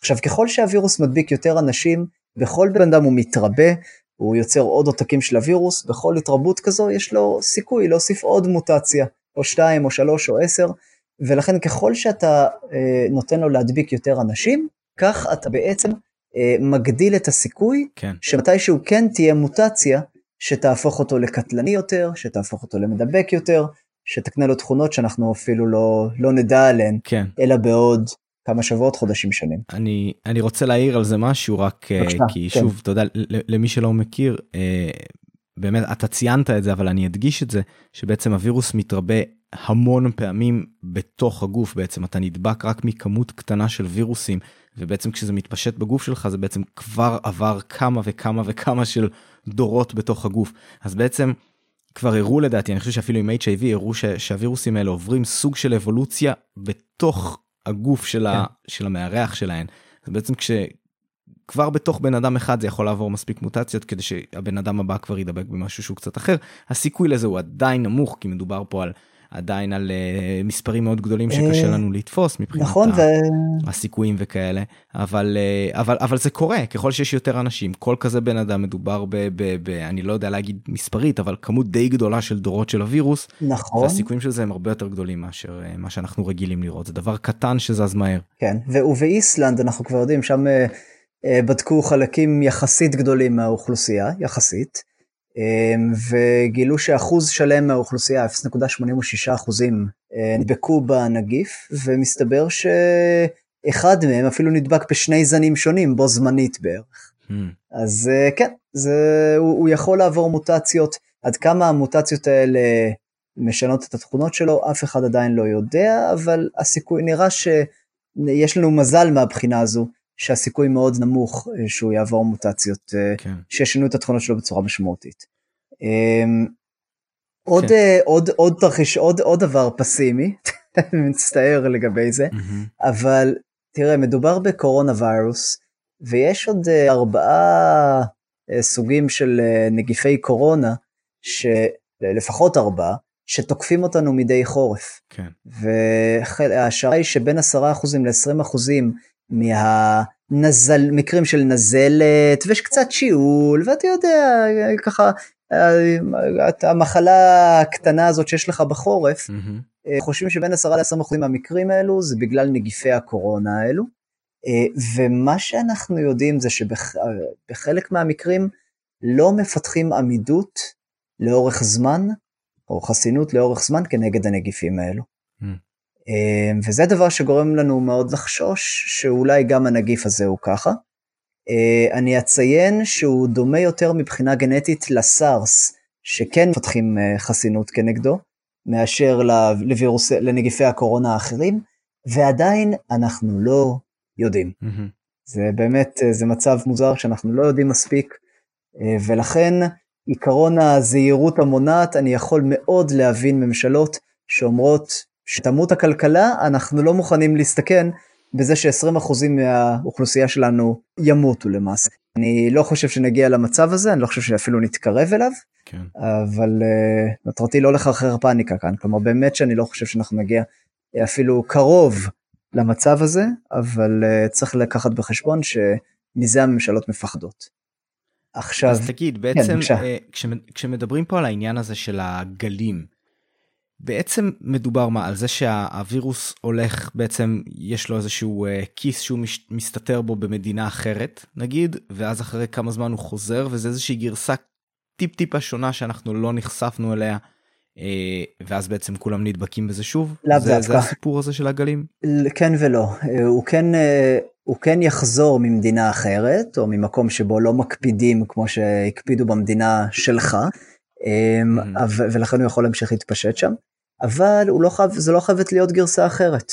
כלומר, אם כולם שהו בבתים כמו שצריך, כמו ילדים טובים, במשך חודש, חודשיים בישראל, mm. והכל, ואז יוצאים לרחובות ומתחילים לעבוד, המשמעות היא שחלק קטן מהאזרחים נדבקו, כי זה בדיוק מה שניסינו לעשות, נכון? נכון, נכון. ואם, ואם חלק קטן מהם נדבקו, אז זה אומר שרוב האוכלוסייה, ואולי רוב מכריע של האוכלוסייה, אה, עדיין פגיעים לנגיף, והתוצאה היא שברגע שיחזור, יגיע בן אדם מחוץ לארץ שנושא בדיוק את אותו הנגיף אפילו, הוא, מייס, הוא מיד יתחיל להתפשט שוב. וזה מה שאנחנו רואים כרגע בהונג קונג, שחובה לפי מה שאומרים את הגל השלישי שלה עכשיו, מאנשים שמתחילים לחזור אליה עם הנגיף, וכתוצאה מזה בעצם באסיה ובאירופה מתחילים, מתחילים צעדים מאוד קיצוניים של סגירת גבולות מהסוג שלפני חודש חודשיים לא היינו חולמים עליהם וואו. בכלל. מעניין מאוד. וואלה, לא כן. שמעתי, גל שלישי אתה אומר כבר. דברים קורים מהר היום, מה אני אגיד לך? דברים קורים uh, מאוד מהר, כן. Uh, אתה יודע, גם אם זה גל שני זה עדיין מספיק גרוע. כן. Uh, ואתה רואה כאן בעצם את הסיבה לכך שאחת התחזיות שלי היא שכדי להתמודד עם המחלה הזו, עם המגפה הזו, אלא אם אנחנו מדברים על התרחיש האופטימי ביותר, נצטרך בעצם לתת לשלטון יכולות מעקב מאוד מתקדמות, ששוב לפני כמה חודשים היינו רק, אה, היה, אף אחד לא היה מתייחס ברצינות לרעיון שניתן את היכולות האלו לשלטון, והיום אפילו במדינות אירופה כבר מתחילים אה, לזוז בכיוון הזה. כן, שיאללה. טוב, אז בוא, אז דיברנו על האופטימי, שלא יצא כל כך אופטימי לצערי, ודיברנו על הפסימי. שגם הוא לא יצא אופטימי. רגע, אבל זה, לא, לא, אבל, אבל, אבל רגע, זה היה הפסימי ביותר, אוקיי? אוקיי. Uh, הפסימי ביותר זה אלה מצבים שאין לנו הרבה מה לעשות uh, מבחינתם, כמו שהווירוס עובר מוטציה, או שהווירוס יש לו תכונות שאנחנו לא יודעים עליהן, ואז מה, מה, מה, מה, אתה יודע, מה אתה יכול לעשות כבר? כלומר, זה סוג של uh, uh, מזוכיזם לחשוב על הדברים האלו. תשאיר את זה לעתידנים לחשוב עליהם, ואנשים מן השורה לא צריכים להיות מוטרדים מהם יותר מדי. Uh, בתרחיש הפחות פסימי, אבל שעדיין הוא לא, נאמר בעדינות, הוא לא... הוא לא, הוא לא, לא הייתי מאחל אותו לעולם, אה, אבל יש סיכוי סביר שהוא יקרה. הווירוס אה, נותן מכה מאוד קשה, א', למדינות אירופה, גם מבחינת זה שיהיו אלפי חללים, ואולי חס וחלילה עשרות אלפי חללים בכל מדינה. אה, אם אתה הולך לפי התרחיש הקיצוני ביותר של האימפריאל קולג' אז 500 אלף אנשים ימותו מהנגיף באנגליה, אם אנגליה לא, אה, לא, לא שומרת על בידוד חברתי ולא נסגרים כולם בבתים. Mm-hmm. עכשיו אנגליה כנראה כן תסגר בבתים, אז לא ימותו בה כל כך הרבה אנשים, אבל עדיין זה מספר, מספר די מזעזע. ואם הדבר הזה קורה באירופה, הרי שיקרה את מה שתמיד קורה ברגעי משבר ולחץ ופחד. הממשלות הלאומני, המפלגות הלאומניות, המפלגות הפופוליסטיות, הן אלו שיקבלו את הכוח. אה, יותר ויותר כוח, כי לשם אנשים נוהרים ברגעי אה, משבר וחשש ופחד. עכשיו זה כבר דבר לא טוב, אני חושב שזה ברור לכולנו, כן? אה, הדבר השני שעלול לקרות במיוחד אם המפלגות הלאומניות עולות לשלטון, שבעצם אנחנו נראה את האיחוד האירופי מתחיל uh, uh, להתפורר. Hmm. מכיוון שמדינות האיחוד האירופי כבר עכשיו אגב הן מתחילות לפנות זו לזו לעזרה, וכל אחת אומרת תסתדרי בעצמך. איטליה רוצה ונטילטורים, מכונות הנשמה מגרמניה, גרמניה אומרת סליחה אנחנו צריכים אותן, את המכונות האלו לעצמנו. אז ממשלת איטליה כובלת את אחת מהחברות שלה שמפת... ש... אה, שמייצרת אה, מכונות הנשמה, ואומרת מעכשיו את מייצרת מכונות הנשמה לא לאירופה, את מייצרת אותן עבורנו, לאיטליה. Mm-hmm. וכבר אתה רואה כאן את, ה, את ההסתגרות הזו. אמ, ולא מוגזם לנחש שבתרחיש הפסימי מדינה אחת, שתי מדינות, שלוש מדינות יחליטו לפרוש מהאיחוד האירופי באכזבה עצומה על אה, מה שקורה, ובשלב הזה בעצם לא יהיה יותר איחוד אירופי, אם מתחילה נהירה כזו החוצה. תוסיף לזה אגב את זה שהגבולות אה, ייסגרו בהכרח כמעט, אה, במיוחד כי אנחנו רואים שבשוויץ מנסים עכשיו את האסטרטגיה שאומרת שאתם לא חייבים להישאר בבתים ופשוט נפתח אה, חסינות עדר. Mm-hmm. אז תגיד לי אתה איזו מדינה תסכים עכשיו שהגבולות שלה יהיו פתוחים לאנשים שהגיעו משוויץ או לאנשים שנפגשו במדינה אחרת עם אנשים שהגיעו משוויץ. אז אני חושש מאוד שאנחנו נראה סגירת גבולות, הסתגרות, אה, והתבדלות. אה, דבר דומה בתרחיש הקיצ... הפסימי יכול לקרות גם בארצות הברית. הממשל הפדרלי התמודד עד עכשיו עם הנגיף בצורה פשוט מביכה ברמה של מדינות עולם שלישי. המושלים, הגוורנרס בכל מדינה בארצות הברית היו אלה שהרימו את הכפפה, הטילו סגרים, הכינו את בתי החולים, את המעבדות.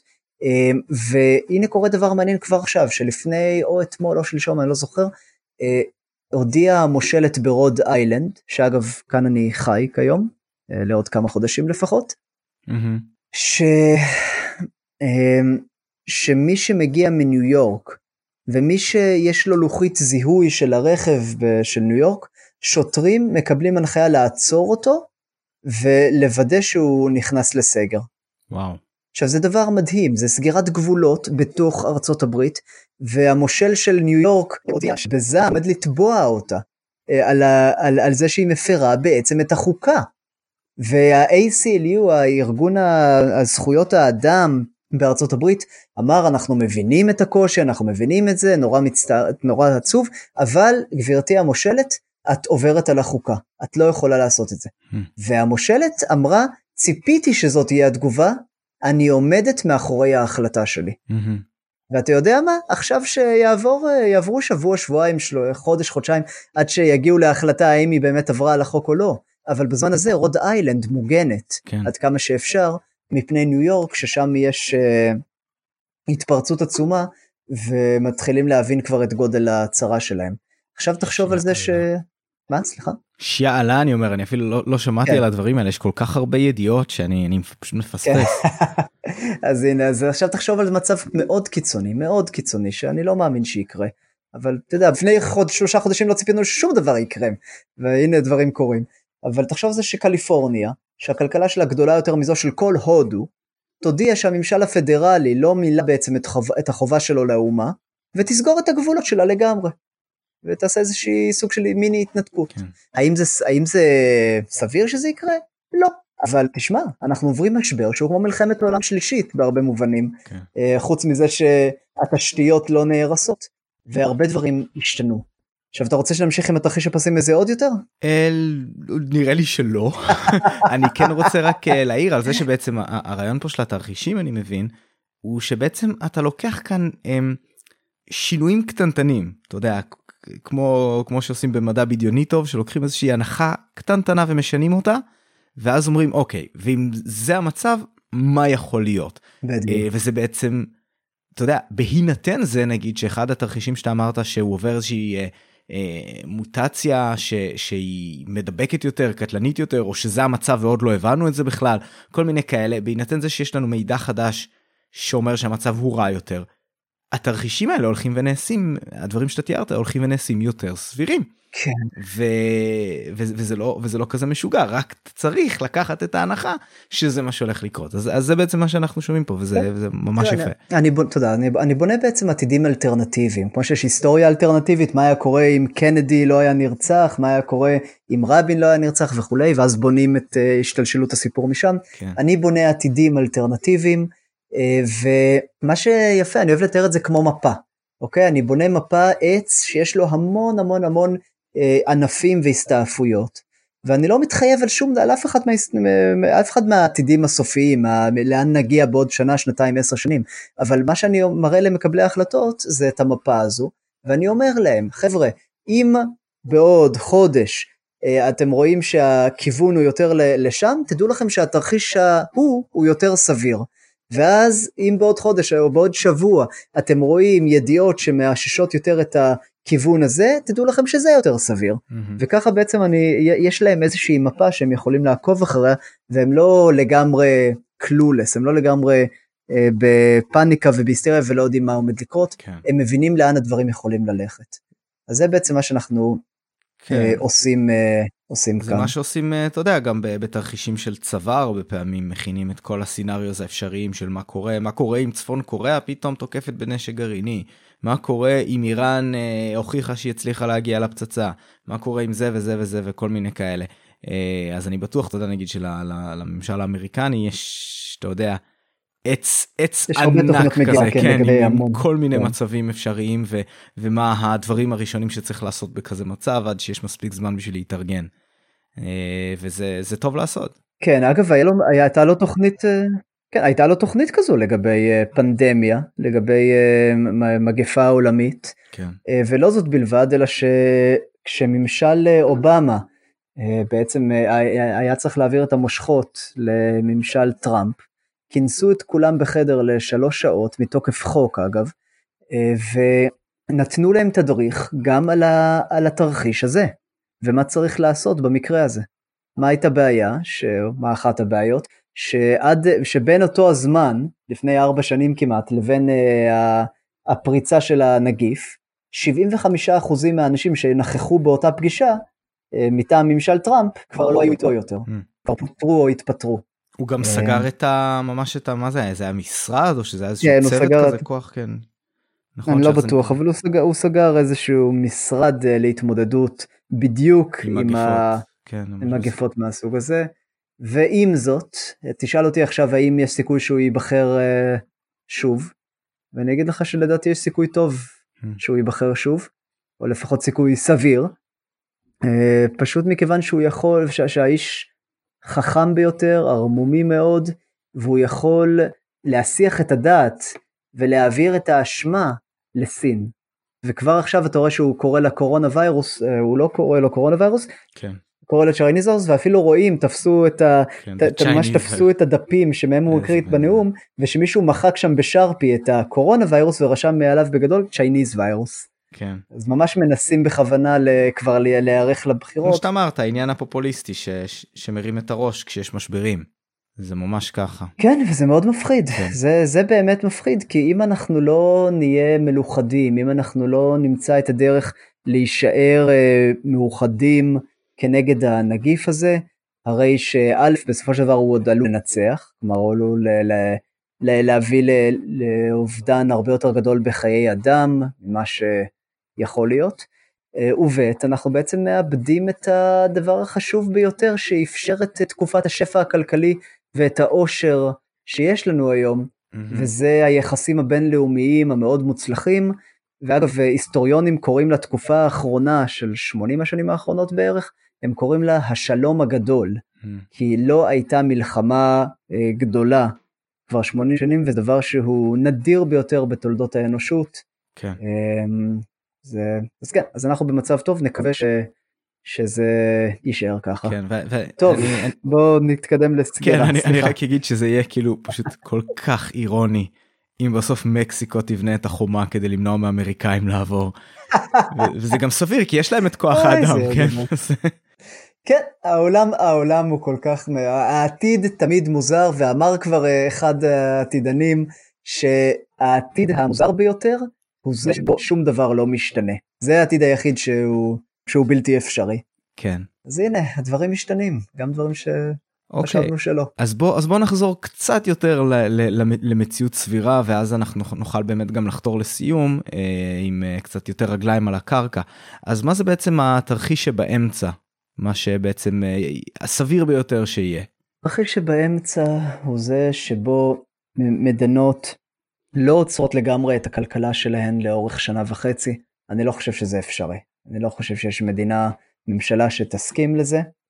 אמ, ולכן רבות מהמדינות המתקדמות יעצרו את הגל הראשון, אולי הן ייפגעו ממנו מאוד קשה, נראה שארצות הברית בדרך לשם, אה, להיפגע מאוד מאוד קשה ממנו מבחינת אה, מספר החולים, אבל כשהם יבינו מה צריך לעשות, יטילו סגר על התושבים ופשוט יעצרו את הווירוס בצורה הזו. זה ייקח כמה חודשים, אבל ביוני, יולי, אה, אפילו ארצות הברית אה, בעצם אה, כבר תשתחרר מהנגיף. הבעיה היא שברגע שאתה משתחרר מהנגיף ככה אתה חשוף לגל שני. וכי מספיק בן אדם אחד שמגיע מבחוץ כדי להדביק שוב חלק גדול מהאנשים. ולכן לדעתי מה שעומד לקרות בתרחיש הסביר ביותר שאנחנו מנטרלים את הגל הראשון ואנחנו עדיין ממשיכים אה, להפעיל אמצעים של סגירת גבולות ושל אה, איסוף מידע על כל מי שרוצה להיכנס והגבלה של התנועה שלו עד שאנחנו יכולים לדעת בוודאות שאין לו את הווירוס. ולכן גם בתרח... בדרך הזו, הצד החיובי של הדרך הזו הוא שאנחנו נוכל כנראה למנוע את הגלים שאחרי הגל הראשון. אה, הצד השלילי בתפיסה הזו הוא שאנחנו בעצם ניתן לממשלות עוד כוח לעקוב אחרינו, לבדוק איפה היינו, מה עשינו, ואנחנו, ושאנחנו עוצרים מבחינה מסוימת חלק מהיכולת של אנשים לקפוץ לביקור בסן פרנסיסקו מישראל ולחזור מיד לאחר ולחזור אחרי לילה אחד לישראל. ובאיזשהו מקום זה קצת מזכיר לי שוב את אסון התאומים, כי אתה יודע, לפני אסון התאומים היית מגיע לשדה תעופה והיית עובר בלי, בלי יותר מדי uh, שאלות, כן? היו מעיפים עליך מבט. כן, היית ממלא את, ה, את הכרטיס של הוויזה במטוס. פחות או יותר, כן.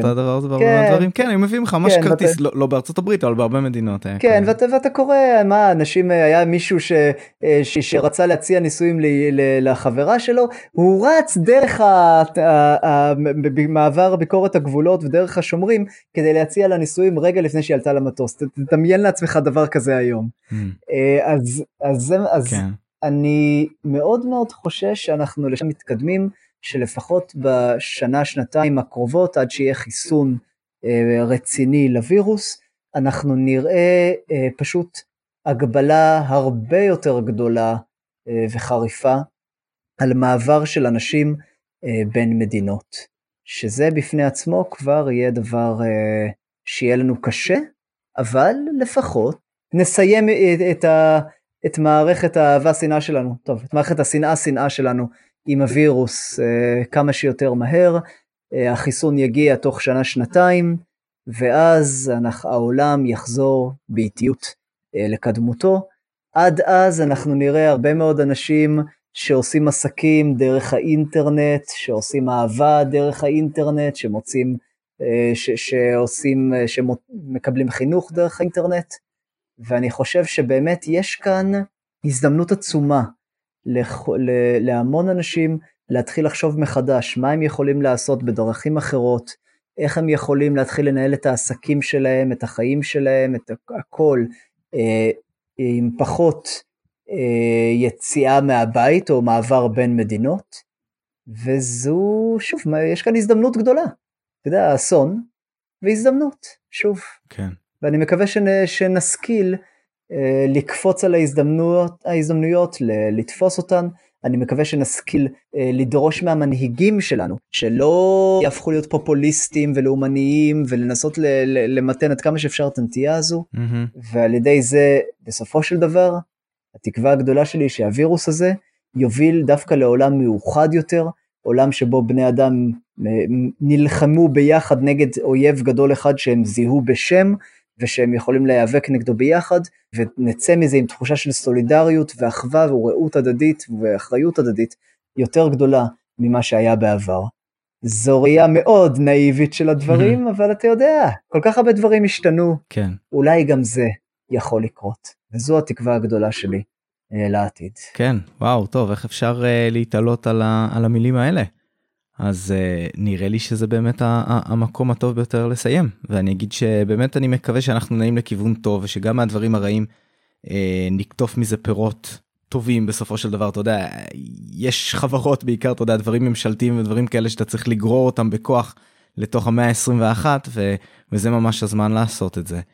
אה, ובאמת אולי באמת יצא משהו משהו טוב מהסיפור הזה. וגם אתה יודע לא דיברנו הרבה על החיסון אבל אני מקווה שזה יהיה מהחיסונים האלה שזה יותר כמו אה, אה, חזרת ואדמת וכאלה שזה כן לא, כאלה שאתה יודע אתה מחסן פעם אחת וזהו ופחות כמו השפעת שצריך להתחסן כל שנה.